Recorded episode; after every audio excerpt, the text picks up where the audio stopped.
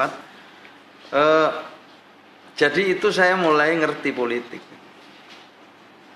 Bagaimana menyikapi sesuatu, mana yang bisa kita kompromikan, mana yang enggak.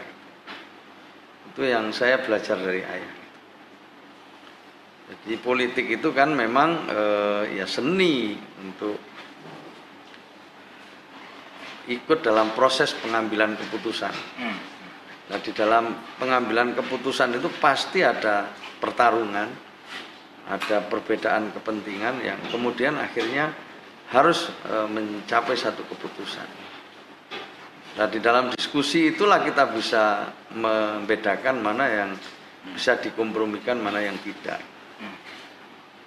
Nah ini sejalan dengan Mbak Bisri Sansuri ini ketika beliau menjadi Rais ya, Am NU pada saat beliau menjadi anggota DPR MPR zaman Pak Harto tahun 74 ketika menolak undang-undang eh, perkawinan waktu Nah. itu itu ramai sekali. Ya beliau bagian dari sistem Orde Baru tapi beliau juga bersikap. Jadi ada sikap-sikap yang eh, memang tidak bisa dikompromikan.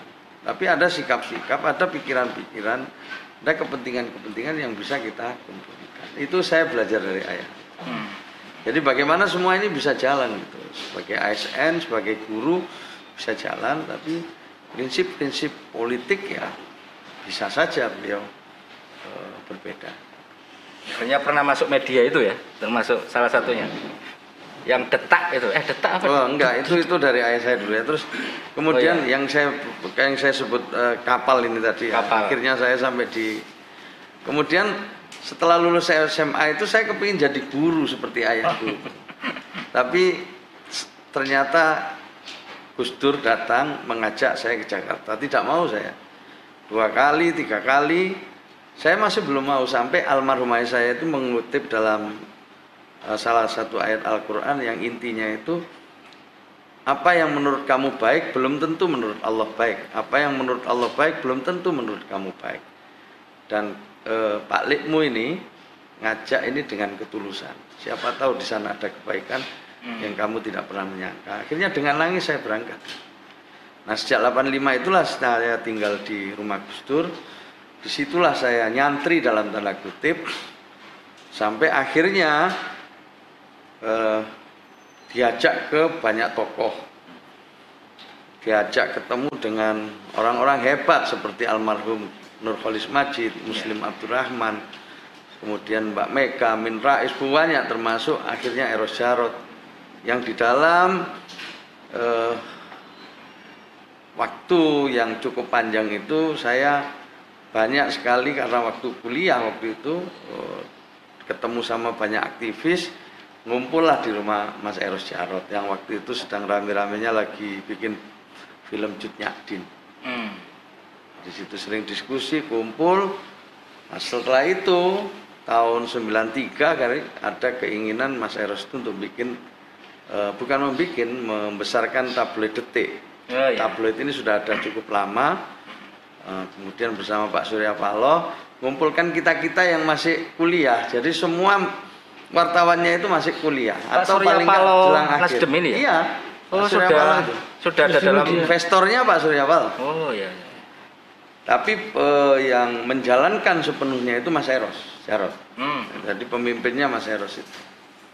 Maka kita mulai mulai merintis itu eh, tabloid detik tabloid yang waktu itu udah nggak jalan gitulah. Iya iya. diolah dari tabloid politik. Semua eh, ini eh, wartawannya itu anak-anak yang masih kuliah belum lulus lah menjelang menjelang lulus yang sekarang jadi orang-orang hebat semua di antaranya ada Najib Aska yang sekarang jadi Ya. dosen ya kemudian ada AS Laksana salah Oh, satu ya. penulis terbaik di Indonesia Betul. Kemudian mm, ada Yusuf Arifin, Dalibin itu wartawan BBC. Ya, kemudian ada Yayan Sofyan, banyak sekali. Nah, salah satu yang di satu-satunya yang sudah wartawan profesional direkrut untuk menjadi Red waktu itu adalah Budiono Darsono. Hmm. Pendiri detik. Budiono Darsono. Nah, kita mulai ngerintis berhasil tidak lebih dari tiga tahun kami di Bredel oleh Soeharto bersama Tempo dan editor. Ya. Kita di Debredel bersama waktu itu. Nah, Budiono Darsono ngajak bikin detikkom. Kita masih belum tertarik waktu itu. Ya. Jadilah dia bikin sendiri. Nah, Ya. detikkom itu berangkat dari kami sebenarnya. Hmm. Nah, detikkom itu itu Budiono Darsono yang ngerintis itu red pill kita dan kita semua diajak sebenarnya. Tapi akhirnya Mas Budi ini jalan sendiri sampai sukses sekarang. Ya. Nah, Yang sekarang dari tabloid dijual. itu ya, Nah, di ya? situ. Di. Berasal bangkitnya dari tabloid detik dulu kalau eh, runut sejarahnya Hmm. kayak gitu. Nah, jadi sebenarnya itu eh, dibawa ombak aja ke sana. Dibawa. Tengah-tengah dengan Gus Dur ya, kemudian saya keliling ke mana-mana sambil Kalau ombak itu kuliah. alias kelinyut itu. alias kelinyut ya. Bawa ke sana akhirnya jadi wartawan. Alhamdulillah Iya, karena iya. jadi wartawan sebentar mulai merintis sampai menjadi salah satu tabloid terbesar di Indonesia waktu itu. Wah, kita jadi tambah banyak teman, banyak pengalaman yang membawa kami akhirnya eh, kemudian alhamdulillah seperti sekarang ini salah satunya itu proses itu. Nah, Gus, Tapi memang yang bawa ya Gus Dur. hmm, yang bedain kan Gus Ipul pernah sampai kemudian merasakan di bredel begitu. Bedain tren atau era atau apa pun berkaitan dengan media dulu dengan sekarang apa Gus? Kalau sekarang yang bredel waktu. Biar yang bredel. Kalah cepet habis sendiri. Iya, sekarang bredel waktu. Iya beda sekali, beda sekali, beda sekali jauh. Saya menjenengan dengan kemajuan teknologi seperti ini ya, yang di kampung aja bisa bikin yang hebat-hebat sekarang. Iya. Ini viral-viral. Kalau dulu kalau nggak ambil Jakarta, nu ketoknya kate maju angel lah. Nah, Ya kan, tapi sampean saiki di Pasuruan wong di Tejowangi ta. Kali juri. Kali juri, kali juri saya mlebu meneh gua. Loh, enggak saya ini pas di sini kali jurinya di sini saya di rumahnya saya di sini. Oh iya. Pinggir kali. Ya, pinggir kali. Girly. Eh, apa itu Kerli? Pinggir kali. Ah, itu bisa. Jadi dengan teknologi ini sebenarnya membuka akses ya kepada semuanya untuk bisa melakukan sesuatu. Nah, sama lah. Wartawan zaman dulu itu teori ini bodoh, tapi sekarang mungkin dituntut untuk bisa menulis sesuai dengan kondisi hari ini. Sebab uang itu katakanlah lek sampai leadnya ndak pas saja gitu. Hmm. Wis paling sealinia wong Melayu. Tapi kalau leadnya kemudian tambah judulnya sing api, ya, wong Tambah judulnya sih rada bulet ngene. Ngamuk wis Ipul. tambah Melayu pindah wis, gitu. Ya jadi jadi orang memang sekarang le- lebih apa ya? Ya memang terkesan dengan lead ya. Ya. Hmm. Kalau Apa pun dari itu. kualitas konten begitu produk jurnalistik? Ya tergantung aja. Kalau untuk mingguan kayak kita itu kan memang eh, ya beda paradigmanya ya. Ya. Me- memberitakan hal-hal yang basi. Kan itu sing mingguan gitu. Ya kan? Itu tapi kalau harian itu kan lebih cepat tapi sekarang bi- lebih cepat lagi. Ketinggalan ya kak diwajo ya. Cepet-cepetan saya. Bet itu jadi ya paradigmanya beda. Kami saya sendiri kebetulan waktu itu kan mingguan. Nah sekarang sekarang ini ya ya ya beda sudah. Wis. Hmm. tak kira sampean lu hebat lah. Hebat Ya, di zaman ini sekarang. kalau cerita itu kan berarti ada karir juga yang dialami oleh eh, Gus Ipul. Katanya waktu itu kan ketika masih Gus Irsat menangi nggak waktu bikin tabloid ikut tabloid di anu yang di daerah oh anu masku melok di sini karena per- pernah Iya, iya. jadi Saya wartawan masih ingat ya, Mas Hezbul di detik. ya di detik Kemudian di detak. Kemudian Detak, ada detak Ya, juga ya? Ada. Setelah Kemudian, detik, detak. ya kemudian simponi. ya Ya, simponi pernah itu ya. Jadi ya, waktu itu waktu saya itu waktu kuliah ya, waktu kuliah di Malang. saya belum nikah juga waktu itu oh belum kuliah di Malang ya. masih gondrong gondrong. Oh pernah gondrong Ipul? oh iya. Waduh. Rambutnya- tren-tren era itu bukan tren. so- bukan soal apa apa kati cukur rambut gak ada duit. Waktu gimana? Ya ya. Ya tentu sekali lagi eh, Mas Saiful ini kan jaringannya banyak. Jadi teman-teman saya di kampus itu ternyata juga banyak yang kenal Mas Saiful. Karena Mas Saiful waktu kuliah itu Ya. kalau nggak salah jadi ketua IMAISPI ya. ya IMAISPI itu Ikatan Mahasiswa Sosial Politik Indonesia. saya- ya Hmm. salah satunya juga berkegiatan di Malang. Ya, Oh, anaknya Cak Ipul loh, adiknya Ipul lah awakmu. Ngono banyak. Ternyata ya di di pusat dia juga oh salah dia HMI ya, ya HMI Jakarta Selatan. Nah, teman-teman saya juga Ini banyak. protokoler HMI ini, bangkang ya. saya itu masuk AM itu karena PMI down no, waktu itu. Oh iya di kampus saya itu di UNAS Universitas Nasional Jakarta itu salah satu universitas swasta yang eh, apa ya katakanlah waktu itu tempatnya aktivis-aktivis yang sangat terkenal seperti Nuku Rektornya Sultan Takdir Ali Sabana. rektornya Sultan Takdir Ali Sabana dan yang memilihkan itu Gus Dur. Jadi saya yang dipilihkan di Gowo wis kon kuliah kene milih fakultas apa? Nah, baru saya milih Fakultas Ilmu Sosial Ilmu Politik yang mendaftarkan saya mas sampai kampus itu ya Gus Dur. Hmm. sampai setelah itu saya aktif di sana menjadi ketua senat FISIP ketua senat FISIP setelah itu baru kita banyak kegiatan tingkat nasional akhirnya saya dipilih menjadi ketua IMAISBI Ikatan Mahasiswa Ilmu Sosial Ilmu Politik. Di antara yang aktif waktu itu adalah EF Saifullah Fatah. Di antara yang aktif itu ya. Kemudian eh, Malang itu juga ada sekarang jadi kepala dinas. Jadi lalu lalu eh, siapa? Lalu eh, orang NTB sekarang kepala dinas di sana. Dari UB Universitas Brawijaya. UNER juga ada waktu itu semua. UI itu EF itu UGM-nya termasuk Najib Aska itu ada juga Latif ya. Jadi banyak sekali eh, teman-teman saya di kampus yang kemudian ya salah satu di antaranya ketemu dengan Irsat ini Hmm. di Universitas Muhammadiyah. Malang. Ya. Ya kayaknya pas ini kita duduk di sini. Ini protolan HMI, protolan Ipenu. Ipenu Purwosari. ya, ini yang menarik mungkin ya. Mungkin eh, ini kan banyak lebih banyak ada di pusat. Pak Bupati juga Gusipul. Mungkin kaitannya dengan hari ini ada di daerah dan kondisi daerah bagaimana eh, pemerintahan, bagaimana situasi kita ketika otonomi daerah juga ke bawah. Artinya ini kan sesuatu yang sangat luar biasa. Ada Gus Ipul yang lebih banyak berkutat di tingkat nasional. Kemudian eh, Gus Ersat, Pak Bupati ini lebih dari bawah, dia lebih tahu bagaimana kemudian mulai toko Toto Sari sampai di situ kan berkarir juga. Nah, ada enggak perbedaan-perbedaan yang mungkin bisa dijadikan gambaran juga kaitannya dengan posisi hari ini, posisi hari ini mungkin Gus Ipul daerah ini seperti apa sebenarnya? Dari kacamata Ya Gus Ipul dulu. sekarang sama setiap daerah berlomba-lomba untuk maju. Hmm. Jadi kita eh, ada otonomi ini kan ada kesempatan untuk berlomba-lomba. Cuma masalahnya kadang sumber dayanya terbatas. Hmm. Sumber daya alamnya, sumber daya manusianya, sumber keuangannya itu juga terbatas. Maka kita butuh dukungan dari pusat. Nah, yang jadi masalah sekarang ini menurut saya memang ya